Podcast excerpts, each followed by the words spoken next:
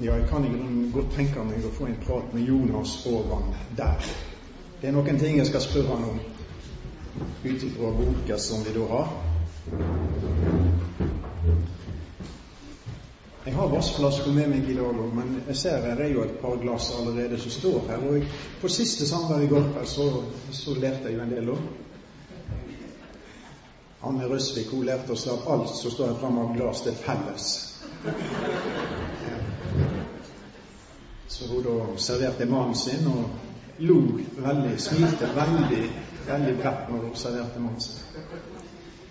Ja.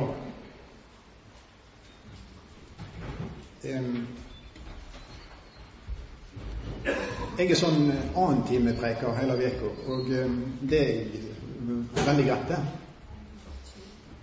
Men i dag kunne jeg nesten tenkt meg å være først. Av to grunner. For det første en som sitter med, med frokostbordet i dag, og så sier han at eh, jeg burde vært først, for du skal vel ha en nedtur i dag. Han veit hvor langt vi kom til Jonasboka. Og tenkte at da blir det en nedtur, og det, det blir det. Så derfor mente han det var bedre at den kom før Jack kom etterpå. da. Det var det ene. Og det andre er jo at han, nå har han stjålet mye av Freikjem i dag.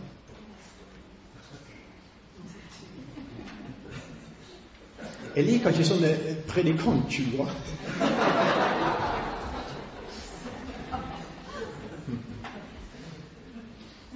Men så tenkte jeg jo videre at kanskje Kanskje det her er rett allikevel. Kanskje vi skal ha en dobbellos i dag.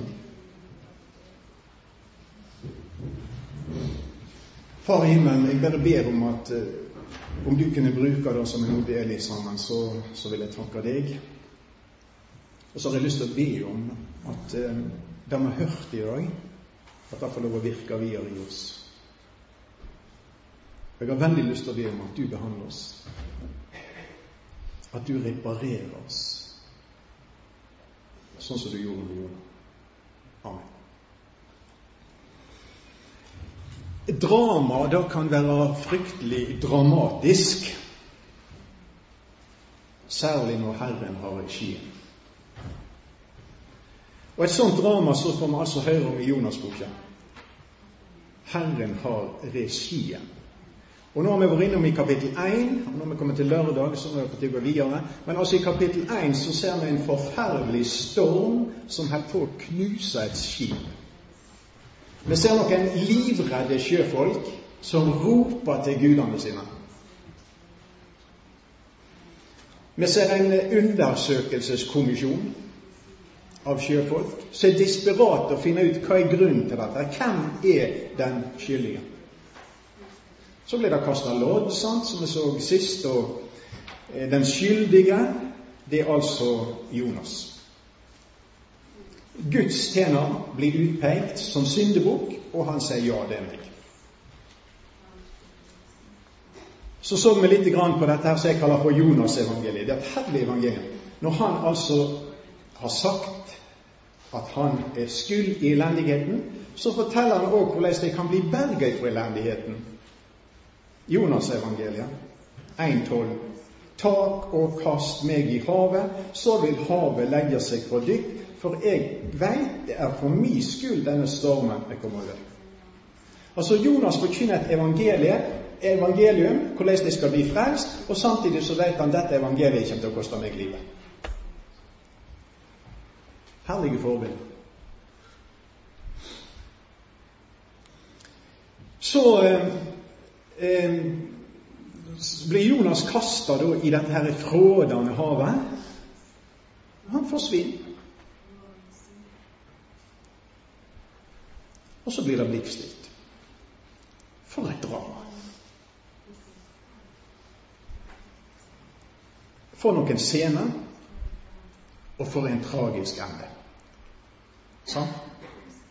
Dramaet som ble tragedie, eller ble det det? Om Herren hadde vært ute av bildet, om Jonas hadde vært vekk fra Herrens åsyn så hadde han vært ferdig der. Men Herren er der, og så blir ikke livet hans avslutta der og da.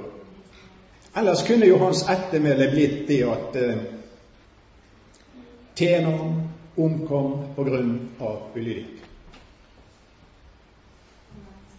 Her hviler Jonas Amitais sønn, døde i synd. Kan du tenke deg? Det var godt ikke slutta der. Jeg ser liksom for meg denne Det er enkelte ting jeg kunne tenkt at video av, men jeg har ikke det. og det er sikkert bra jeg ikke har det. Men altså, se på den der stormen, de der tingene. Se på de tar Jonas. Jeg lurer på om de har hendt, eller om han går frivillig. Men de hiver han over rekka. Hvis en NRK-journalist hadde fått snakket med ham etterpå, så hadde jeg sikkert spurt hva tenkte du da, Jonas? Ja. Hva tenkte du da? Det er så mye sånne snodige greier. Jeg skal ikke bruke mye tid på det. Jeg husker en, sånn, en, en, en skihopper fra Telemark som hadde gjort et kjempehopp i et skirenn. Og alle var i fyr og flammer. Og journalisten var i 90 Ja, hva tenker du nå? før andre omgang. Jeg tror jeg skal hoppe en gang til, sa han. Og journalisten punkterte momentant og visste ikke hva han skulle si. Hva tenkte Jonas? Kanskje han tenkte hadde gjerne vært like godt å gå inn i Ninive. Kanskje Guds vei hadde vært bedre enn dette her.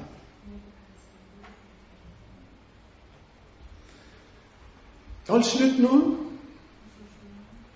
Kanskje han lurte på det? Skal tro han det. Men det siste han hører fra skipet før han forsvinner, vet du hva det er? Det er noen hedninger som roper til Gud. Tjeneren som har svikta Gud, har Gud brukt sånn at disse sjøfolkene, som altså er hedninger, de nå roper til Jonas sin Gud. Kan det bli mer suverent?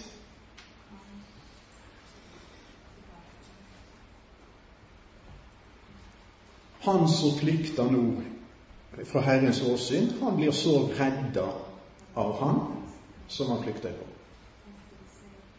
Og så fortsetter dramaet. Jeg holdt på å si det eskalerer. Jeg holdt på å lære meg fremme Det eskalerer. Det når nye høyder, dette dramaet, når Jonas går mot bunnen. Nedturen Turen ned. Ja. Vi har det i ungdomsforening Vi har jo fremdeles på Osterøy som eh, Hver semesterslutt så reiser vi på turné. Eh, hvert semester, altså sommeren, det ble avslutta liksom med, med turné. Nå ser jeg de har forandra navn. Vet du hva de kaller det nå for? Nå kaller jeg det opptur. Ja. Tur ned. Det hørtes litt skummelt ut. Men det er jo det det er snakk om her med Jonas òg. Det er nedtur. Men det blir en gedigen opptur fordi at Herren har regien. Og det skal du ta med deg òg, at nedturer kan Herren snu til oppturer fremdeles. Det har gjentatt seg ofte. Og så denne historien om Jonas. Jeg skjønner veldig godt at folk kan ha problem med å tro de greiene der. Jonas på cruise i Middelhavet, altså ikke oppå Middelhavet, men i, ned i Middelhavet. Jonas er på cruise i Middelhavet i tre døgn i en fisk. Jeg veit hvorfor folk har problem med å tro det der ennå. Det er veldig enkelt for meg. Det er at de har et uh, for lite gudsbilde. De kjenner ikke Gud.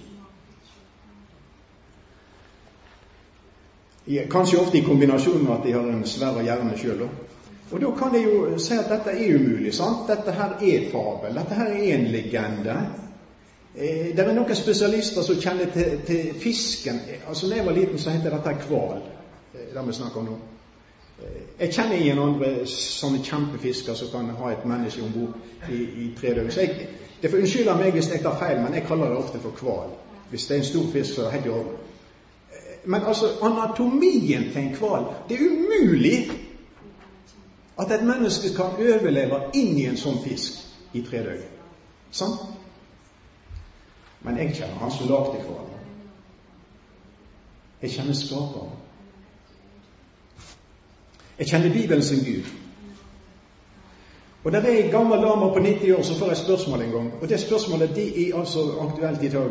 Skulle noen ting være umulig for Gud? Hun um, skulle på baby. 90 år. Utdødd morsliv.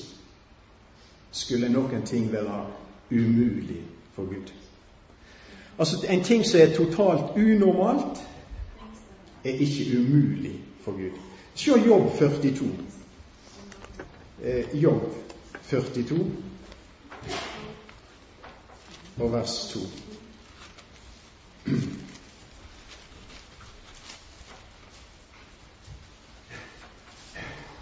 Da svarer Jobb Herren og sa, står det i vers 1.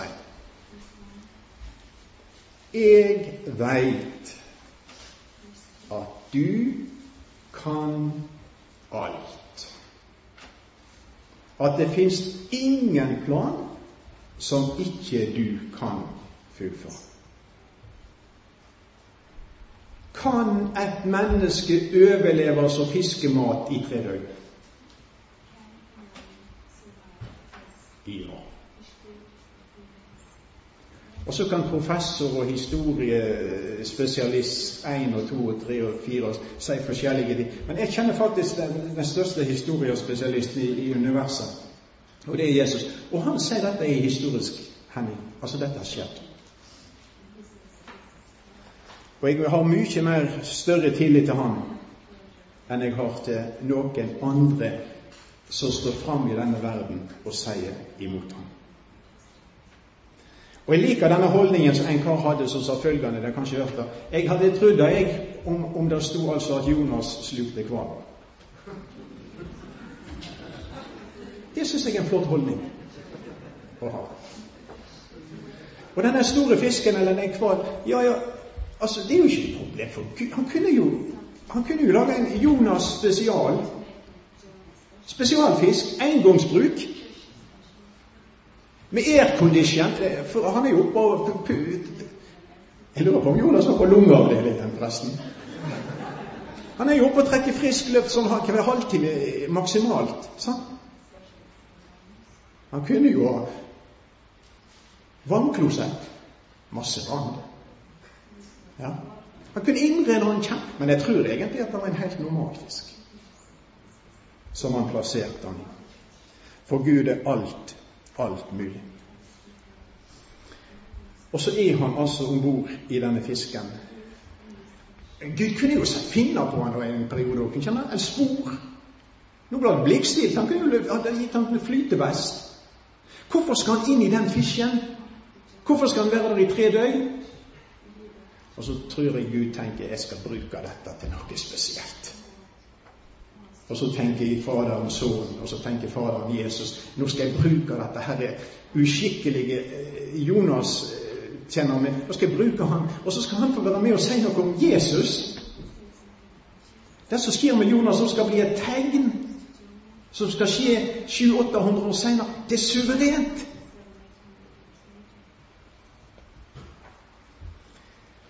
Ja, nå må vi lese. Jonas kapittel 2. Og der kommer dette ordet igjen 'men'. Jeg er så, jeg sier igjen, jeg er så velsignet av disse bibelske menn. Ikke mannfolk, altså, men, men menn. But, Men Herren let en stor fisk komme og sluke Jonas. Og Jonas var tre dager og tre netter i buken på fisken. Jonas ba til Herren sin Gud fra buken for fisken. Han sa, Jeg kaller på Herren i min nau, og han svarer meg. Fra djup av dødsriket roper jeg, du høyrde min røst. Du kaster meg i djupet, midt i havet, strømmer kringsetter meg, alle brenningene dine og bølgene dine slo over meg. Jeg sa, jeg er støtt bort fra Herren, fra øynene dine. Men jeg vil atter sjå opp til ditt hellige tempel. Vatnet ringer meg inn like til sjela, djupet la seg rundt meg, tang sveipte inn hovudet mitt, like til fjellbotnene sokk jeg ned. Jorda litt opp bommene sine etter meg for evig. Men du, men du, Herre, min Gud, førte livet mitt opp og grav. Da sjela mi miste sitt kraft i meg, kom meg Herren i hug, og bøna mi nådde opp til deg, til ditt heilage tempel. De som dyrker tomme avguder, de vender seg fra si miskunn, altså fra sin miskunnsomme Gud. Men jeg vil ofre til deg med takkerøys. Det jeg har lova, vil jeg halde. Frelsa, høyre Herren til. Da taler Herren til fisken. Og han spydde Jonas opp på tørt land.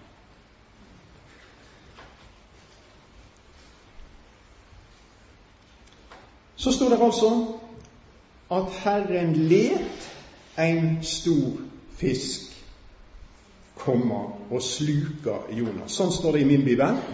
Eh, det er litt forskjellige omsetninger her. Eh, jeg tror det står 'appointed' eller 'provided' eller skaffa til veie, tror jeg det står på tysk, omsatt til norsk. Altså Herren, han lager, eller sender nå, en fisk som sluker denne Jonas. På dansk står det 'han bød en fisk'. Verschafte Jeg tenkte jeg skulle imponere litt med tysk. Verschafte. Han skaffa til veie en fisk. Og så tar denne fisken og sluker Jonas. Jeg hørte en preik på, på jeg tror det måtte være slutten av 80-tallet, eh, lenger sør i land, Lunderneset.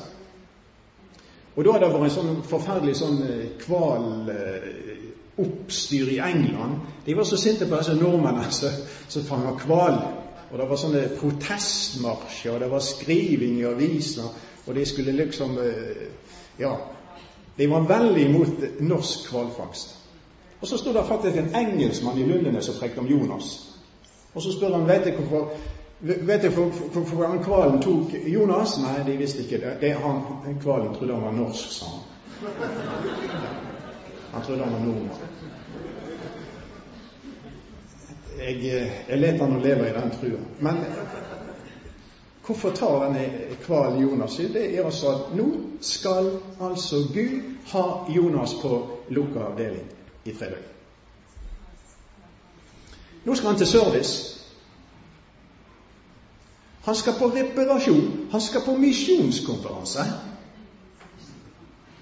Pionermisjonen, altså den første som går til et folk, et unådd folkeslag, han trenger nå altså fullstendig service. Og Gud tar han inn på lukka avdeling. Eh, han skal omformes. Han skal renses. Hva gjør Jonas på i de tre dagene?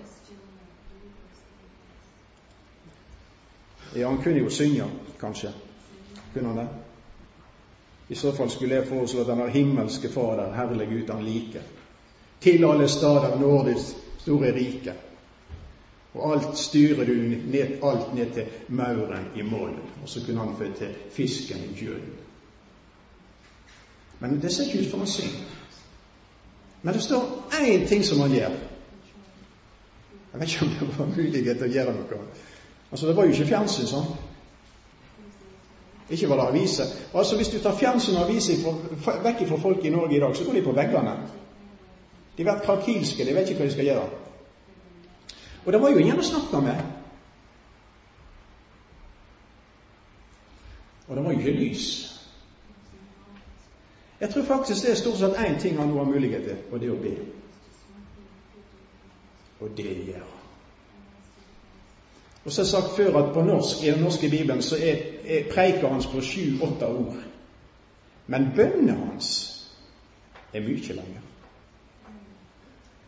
Og det vi får høre nå, altså, det er en mann som er i stor nød. Vers 2. Jonas ba til Herren sin Gud fra buken på fisken. Han sa, 'Jeg kaller på Herren i min nød'. Han svarer meg fra djupet i dødsriket. Paulus ba til Gud i står det i apostelgjerningene 9 og vers 11 i tre dager. Ja, det står ikke direkte at han ba. Ja, det står at han ba. Se, han ber. Han er blind, han er altså i Damaskus. En lignende situasjon, men allikevel så forskjellig. Jesus har møtt Paulus, og han, han, er blind for denne verden. Han er jo på en måte kommet i lukka avdeling. Og så ber Jonas i stor nød, og så ber han. Vet du hva jeg tenker på av og til i dag? Hvorfor er det så mye nød blant Guds folk? Jeg vet ikke alle svarene på det. Hvorfor er det så masse problem? Men kanskje Gud vil ha et beende Guds folk? Og kanskje én av metodene og midlene som Gud bruker for å oppnå det, er nød.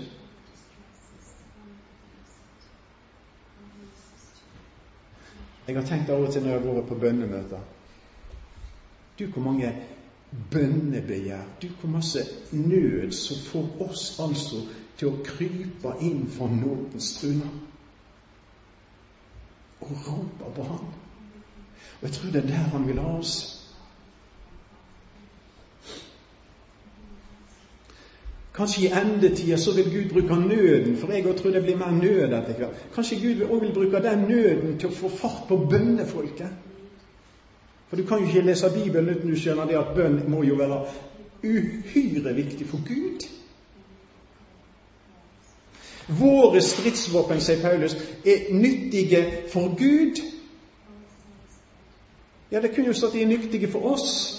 Og jeg tenker stridsvåpen, så tenker jeg Guds ord, Åndens sverd, jeg tenker bønn og de tingene. De er nyttige for Gud. Men de er ikke nyttige hvis de henger på veggen og ikke blir brukt. Men de er nyttige når vi bruker dem. Så disse stridsvåpnene er nyttige for Gud. Altså Gud benytter seg av bønnene våre, vitnesbyrdene våre. Nyttige for Gud. Men det skal altså ofte nød til for at vi roper til Gud. Denne bønnen som Jonas ber, den er veldig spesiell, og den er veldig interessant. Jeg tror det er åtte vers, da. Og den er verdt en, en bibeltime. Ganske sikkert. Men i dag har jeg bare lyst til å konstatere denne bønnen den, den kommer ifra bunn. Rent fysisk så er, er, er det han som ber. Han er altså i et hav, og han er en fisk. Og ikke bare en fisk, men han er i buken på en fisk. Kan du komme lavere? Altså, det er en mann som er på bunnen fysisk sett. Kanskje han kom lavere hvis han reiste til Jeriko eller bort til Dødehavet. Men sånn ellers så tror jeg dette er en mann som er i den nederste, absolutt nederste kategori rent fysisk. Det er det ene. Og det andre det er jo at han òg åndelig talt er på bunnen. I min nød vers 8. Da sjela mi mister si kraft i meg, kom jeg Herren i hug. Da sjela mi mister si kraft. Jeg kan få si det er en punktert mann sjelelig, åndelig. Han er absolutt på bunnen. Men nå skal du høre her. Denne mann som er på bunnen, og som roper ifra bunnen, han når toppen.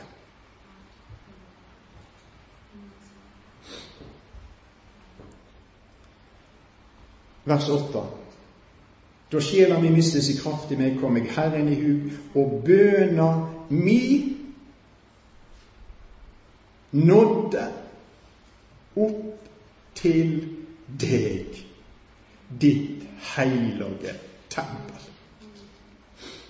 Min kjære venn, du kommer aldri for lavt til å nå toppen. Med bønn nådde opp til deg, til ditt hellige tempel. Ja, de hadde jo lært, og det visste jo Jonas òg, at han måtte vende seg imot tempelet i Jerusalem. sant? Og så skulle Gud høre når de vendte seg imot tempelet. Men jeg tror ikke det er det tempelet. For jeg tror Jonas jeg tror ikke han hadde kompass med seg. Jeg tror ikke han hadde GPS han visste hvor Jerusalem var akkurat nå. Men det, han kjente et annet tempel. Han kjente himmelens Gud, som hadde sitt tempel. Og han kjente en Gud som hørte når han vendte seg og ropte til ham. Han ber ifra bunn, Og bønneløftene inkluderer tjenere som har svikta, og som er plassert på utenkelige plasser i fortvila situasjoner.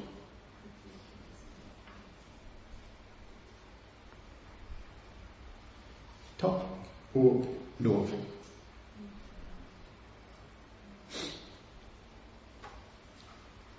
Og bønneløftene gjaldt Guds tjenere midt under Guds harde og tuktende hend. Bønneløftene gjaldt når alt er stengt. Like til fjellbunnene sokker ned. Jorda lett att bommene sine etter meg for evig. Alt er stengt. Men bønnens vei er åpen. Mi bønn nådde til deg.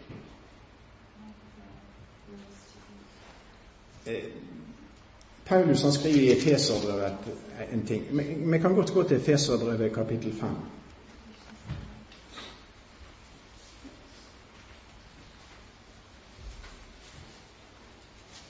Eh, 19.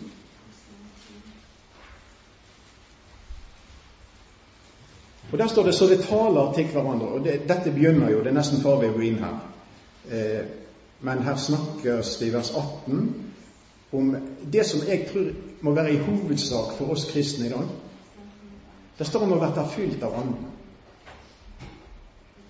Utrolig viktig med tanke på vår tjeneste. Vi som har Anden, at vi blir fylt av Anden. Men så kommer det da i vers 19 så det taler til hverandre. Altså fylt av Anden, så blir det noe den veien. sant? Med salmer og lovsanger og åndelige sanger og syng og spiller for Herren i hjertet ditt. Det blir noe den veien òg. Det blir noe begge veier. sant? Men altså fylt med Anden, så det taler til hverandre med salmer, lovsang, åndelige sang. Har du gjort det? Du trenger ikke ha sangstemmer. Men taler til hverandre med salmer. Vet du hva jeg tenker da? Ok, da går jeg til salmene. Nå skal jeg, nå skal jeg bare hente fram noen bitte små taler til dere. Jeg har lyst til å tale til dere med salmer nå. Salme 18. Har dette noe med Jonas å gjøre? Ja, jeg tror faktisk det. Jeg, jeg tror Jonas kjente masse av disse tingene. Og I Salme 18 og vers 6 står det:" Reipe fra dødsriket snørde meg inn, døden snarer truga meg. Så står det Jeg kaller på Herren i min naud og roper til min Gud. Fra sitt tempel hørte han mi røyst, og mitt skrik nådde fram til hans øyre. Jeg har en mistanke for kanskje Jonas at den der salmen der og de der ordene der kan leve i hans tanker når han er inni denne fisken nede i dypet. Og så praktiserer han det som salmisten gjorde. Salme 118. Eh, salme 118 og vers 5. Og der står det sånn Ut fra trengsler kaller jeg på Herren. Herren svarer meg og førte meg ut i fritt rom. Salme 120 vers 1 taler til hverandre med salmer, sanger, åndelige viser. En sang til festreisende. Til Herren roper jeg i min au, og Han svarer meg. Vi må gå fort. Hva ble sluttresultatet etter tre, tre døgn på, på lukka avdeling? Jeg må bare ta en liten parentes. Eh, når jeg sier lukka avdeling, så kan du jo tenke litt forskjellig. Sant? Du kan tenke sykehus. Og jeg hørte et vitnesbyrd som eh, jeg ikke har glemt, for mange, mange år siden. Og det var med en person som var, var veldig, til tider veldig deprimert, veldig nedfor, og var inn og ut av sykehus. Og han, han var kristen. Og han sa, eller det var sagt om han at han hadde sånne mørke perioder at alt forsvant for ham. Altså Han fikk ikke kontakt med folk rundt seg eller noe som helst.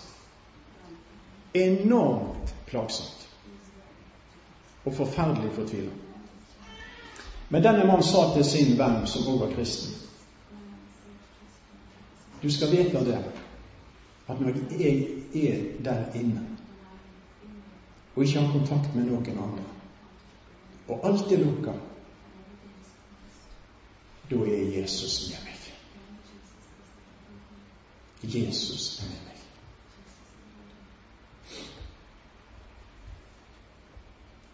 Han slipper ikke sine, uansett hva situasjon, sammenheng, så er han i stand til å nå det.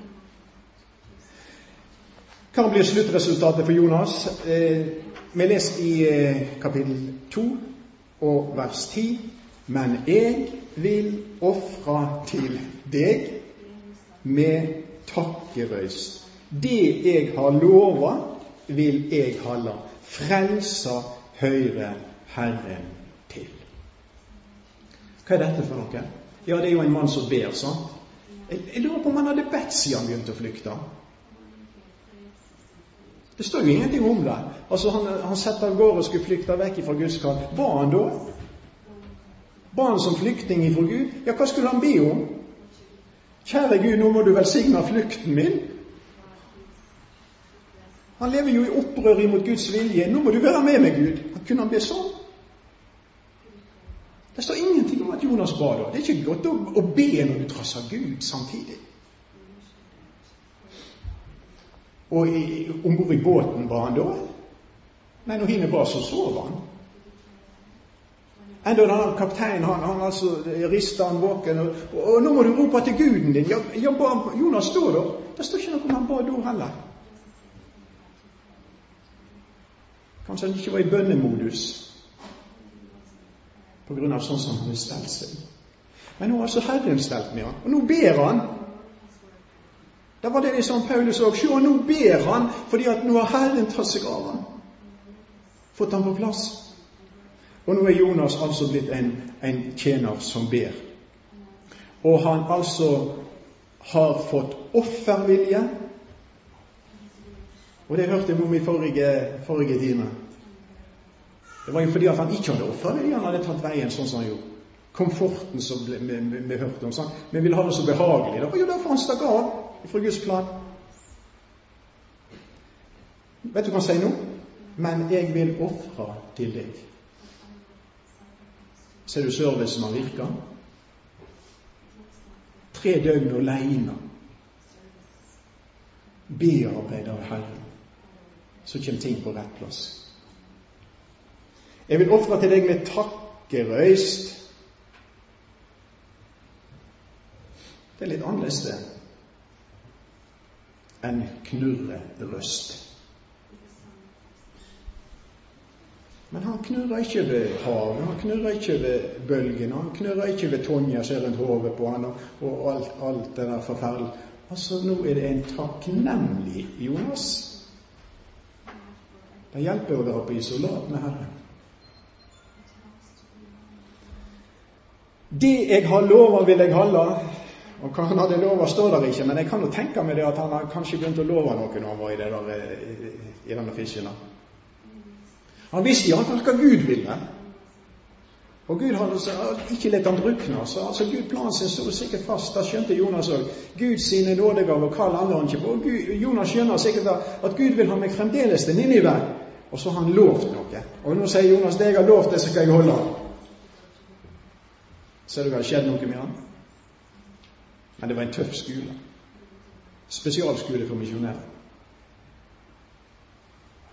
Og emisserer. Og litt andre òg.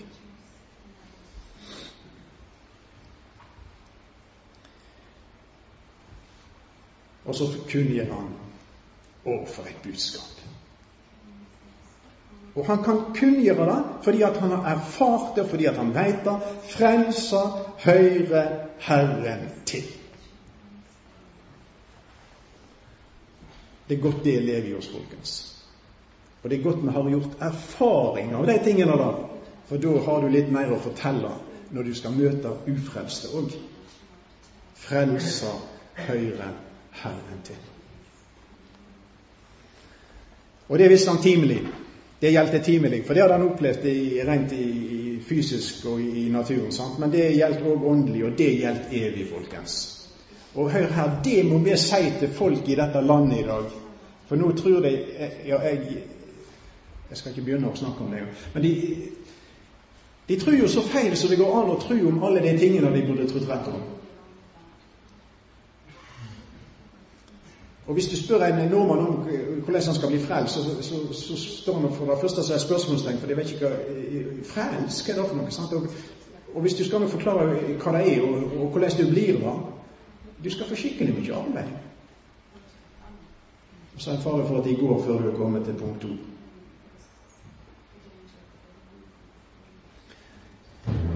Allikevel så er det et kall til Guds folk til alle tider å forkynne frelser, høyre eller kjem ifra Herren. Det siste jeg har lyst til å si litt om i dag, og nå kommer jeg til å komme litt uh, mer i, i gata til det Jack var inne på i dag. Hva var det verste for Jonas, tror du, når han ble hivd ut i havet? Var det sjøfolkene si behandling? Var det bølgene? Var det det ufyselige været? Jeg tror det verste for Jonas nå Se for deg han som ligger i, i bølgene, og senere når, når, når fisken tar ham. Det verste for han, tror jeg, er at han veit at dette er sendt ifra Gud. Og Nå skal du høre igjen hva det står i vers 4. Du kaster meg i djupet. Altså Han refererer ikke til noen sjøfolk som hadde hivd ham uti, men altså det er Gud som står bak dette. Du kaster meg i djupet midt i havet. Straumer kringsetter meg. Alle brenningene dine og bølgene dine slo meg. Altså Det verste for Jonas tror jeg er å vite det at dette som nå møter meg, det kommer fra Gud. Alt dette vonde, dette forferdelige, det er Guds vrede, egentlig. Jeg får en forsmak på her. Det er Guds tokt.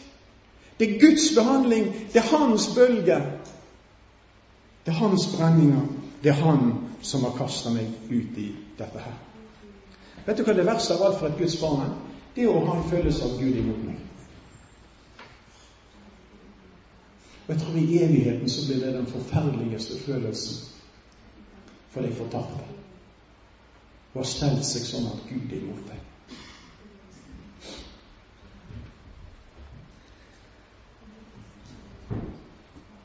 Nå er ikke Jonas den første personen som opplever liksom bølger og brenning og sånt. Der, kverker deg på en måte, eller drukner deg. Hvis du er kjent i Bibelen, og det er jo de fleste av dere, så er det mange eksempel på folk som beskriver situasjoner som føles nærmest som de drukner. Salme 42,8. Koras barn. Salme 42,8. Alle dine brenninger og dine bølger slår over meg.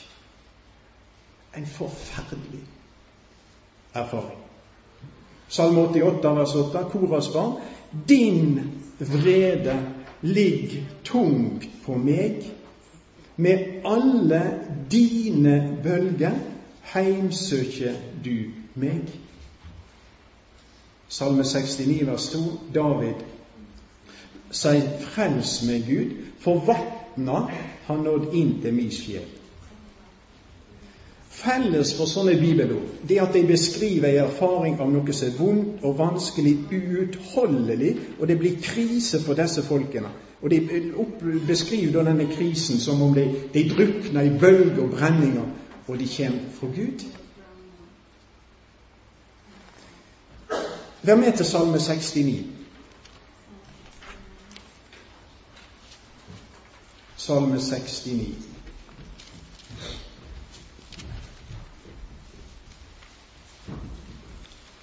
Og vi skal lese starten da.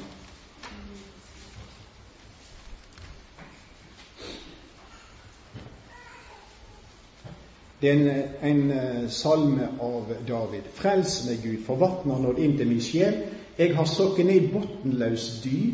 Der er det ikke fotfeste. Jeg er kommet i djupe vann. Flaumen slår over meg. Jeg har ropa meg trøtt, strupen min brenn, og augo mine tæres bort medan jeg venter på min Gud. Vet du hva denne salmen er ofte kalt for? Og det er med sannhet. Den er kalt for en Messias-salme.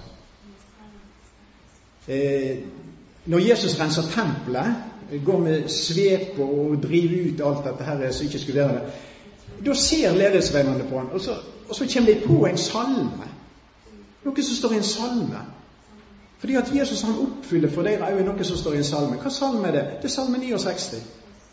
At nikjærhet for ditt hus skal fortelle deg. Altså Dette er en salme som, som har med Jesus å gjøre, sånn som veldig mange andre salmer har det òg. Og her er det altså snakk om en som har sokket ned i bunnløs dy. En som opplever bølger av Guds vrede over sitt liv. Hva var det verste for Jesus? Vi hørte om det i forrige time, og jeg skal bare snart touche innom det igjen. Det er ingen i tilværelsen som har opplevd Guds vredes bølge og brenninger slik som Jesus.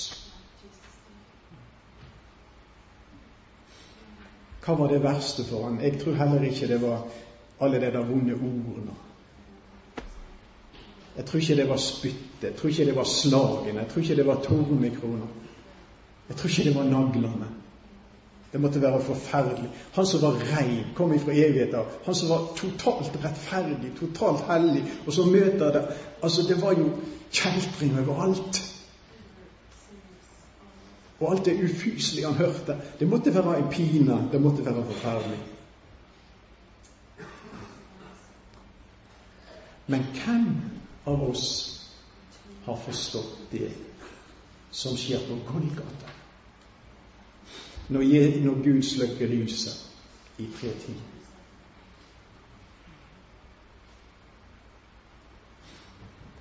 Hvem har forstått det når Gud knuser Jesus? Ifra evighet av så hadde Jesus hatt en far som var foran.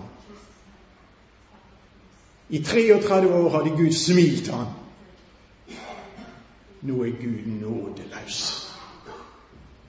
For i den ene person som henger på det treet, er all verdens synd. Gud hater synd. Og Jesus er gjort til sjølve synden. Vi hørte i forrige time han som ikke visste av synd. Han ble gjort til synd, og i tre timer så bryter Guds vredes bølger og brenninger innover og knuser ham. Forbanna i hver den som henger på et tre.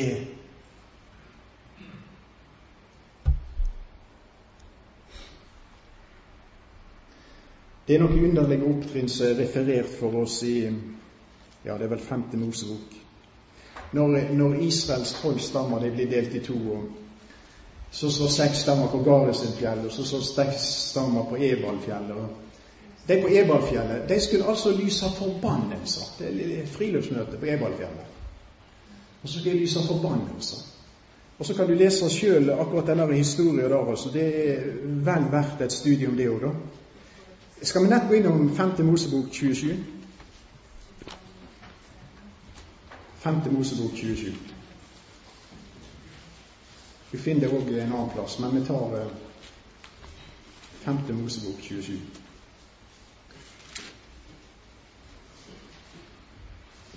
Og så leser jeg fra vers 13. Og dette er altså eh, disse skal stå på Ebalfjellet og lyse forbanning. Ruben, Gad og Aser og Sebulun og Dan og Naftal. Levittene skal ta til orde og med høy røst sier til hver mann i Israel Forbanna være den mannen som lager et utskår eller et støtbilde, en styggedom for Herren, et verk av kunstnerhender, og setter opp i løgn. Og alt folket skal svare om. Forbanna være den videre som vanvører far sin eller mor sin, og alt folket skal si amen. Forbanna være den som flytter merket seg. Og så går det videre sånn nedover. Og så skjer dette at det står noen leviter og sier Forbanna være den som gjør sånn og sånn. Forbanna være den som gjør sånn og sånn. Forbanna være den som gjør Og alt folket står og sier Amen. For et møte. Amen, sier jeg. For hver forbannelse. Det er groteske ting som blir nevnt. Forbanna hvor gikk det med dette folket? De smaker en del av sannheten i de forbannelsene. Hørte du hva jeg sa? De fikk smake en del. Men på Golgata henger det en mann som får smake alt. Du var ugudelig. Du brøt alle budene. Du har enda aldri et sekund holdt budene 100% Du har aldri elska Gud sånn som du skulle, sånn som han sa. Du har aldri elska nesten din sånn som han skal. Du har gjort alle de syndene. Du var under forbannelse. Du skulle dø. Du skulle knuse, og så tar Gud, som vi hørte så flott i går kveld, så tar Gud og bytter plass med deg. Og så henger det en på Golgata som ble forbanna for ditt drittpreik, ditt sinne, dine skitne tanker, dine feil og alt det samme. Der er det samla i Han, og så knuser Gud han, så bryter bølgen av brenning.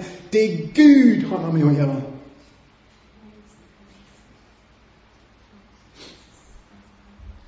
Skjønt så lite av det. Men jeg har iallfall skjønt så mye at jeg sier takk.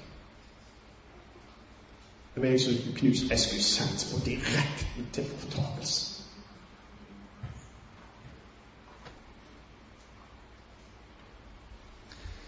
Jeg har sagt før at min, min favorittvideo det er den E-Tower.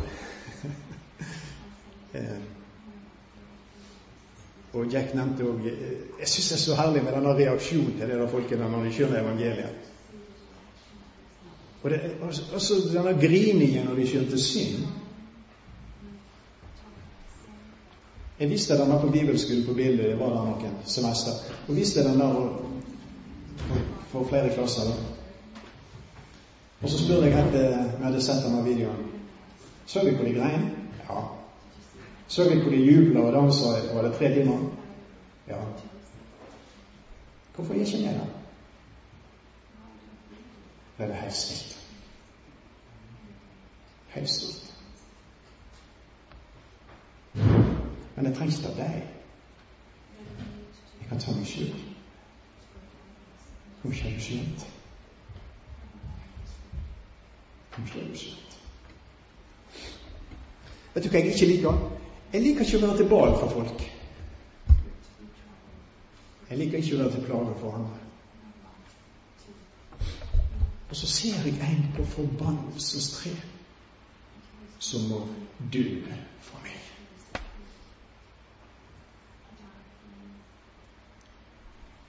Det er en visesamling i Bergen som sier 'Hvor er alle heltene hen?'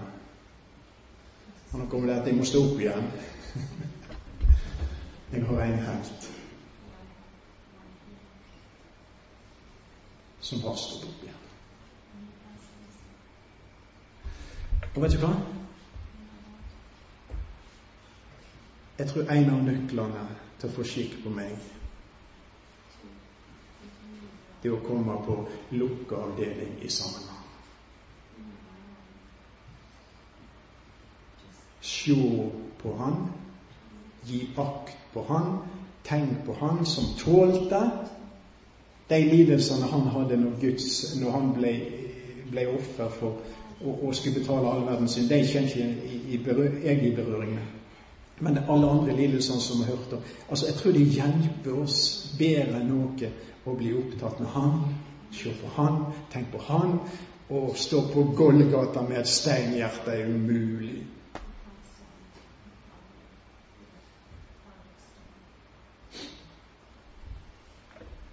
Når du betrakter Jesus' sin lidelse utenfor både Isaias og, og andre plasser altså det, det, går ikke an å stå på Golgata og så spør Jesus vil du gå. Nei.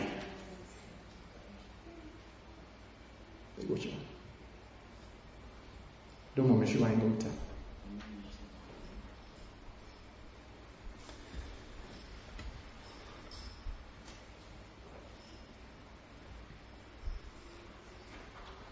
Så drakk han hele begeret.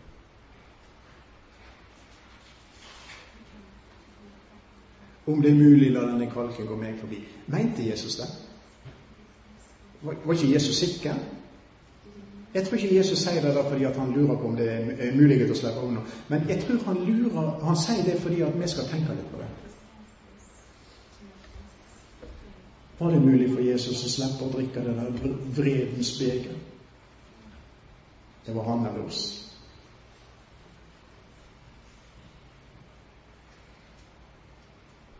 Det var oss. Kast meg i havet, så blir det berget. Jonas' evangeliet er òg Jesu evangeliet. Så tok han hele syndehavet. Det er flott å lese om Gud fløy til Rødehavet, kan? Jeg syns enda flottere å lese når Gud tar syndehavet bort, plasserer det i Kristus og gir opp for alltid sammen. Alltid sammen. Hvem vil da fordømme? Rettferdiggjorte i Kristus. Ja, respons Ja, Jonas, han ville takke. Jonas ville ofre. Jonas lovte ok, jeg skal holde det jeg har lovt. Jeg trenger litt mer behandling. Jeg trenger inn igjen på service stadig vekk. Det er godt med samling i Guds forsamling. Det er godt med Guds ord i Guds mann. Det er godt med Guds ånd. Far i himmelen. Jeg har lyst til å takke deg. Takke alt, og mest fordi at du ikke bare så vår nød og vår fortapthet, men du gjorde noe med det. Takk for du sendte Jesus. Og takk, Jesus, for du kom. Og takk for den veien du gikk. For det var ingenting som overraska deg. Takk for du sa ja til alle lidelser. Absolutt alt. Takk for du let deg knuse. Takk for du tok dommen vår og straffen vår. Takk for du bytta plass med oss. Og så ber vi fortsatt om at disse tingene måtte gå litt, litt mer opp for oss. At våre hjertes øyne kunne se litt mer av dette igjen. At det kunne vært litt mer varme i hjertene våre. Litt mer fart i beina våre. Litt mer bevegelse i armene våre. At tungene våre kunne gå litt fortere når vi talte om det. Forbarm deg over oss, gode himmelske Far. Tilgi oss alle de gangene vi har tatt Jonas' veier. Takk for din tålmodighet. Takk for din miskunnhet. Takk for ikke bare du med, hadde medynk over ugudelige hedninger, men du òg har et hjerte for dine tjenere og de som svikter. Vi priser deg for din nåde i Jesus Kristus.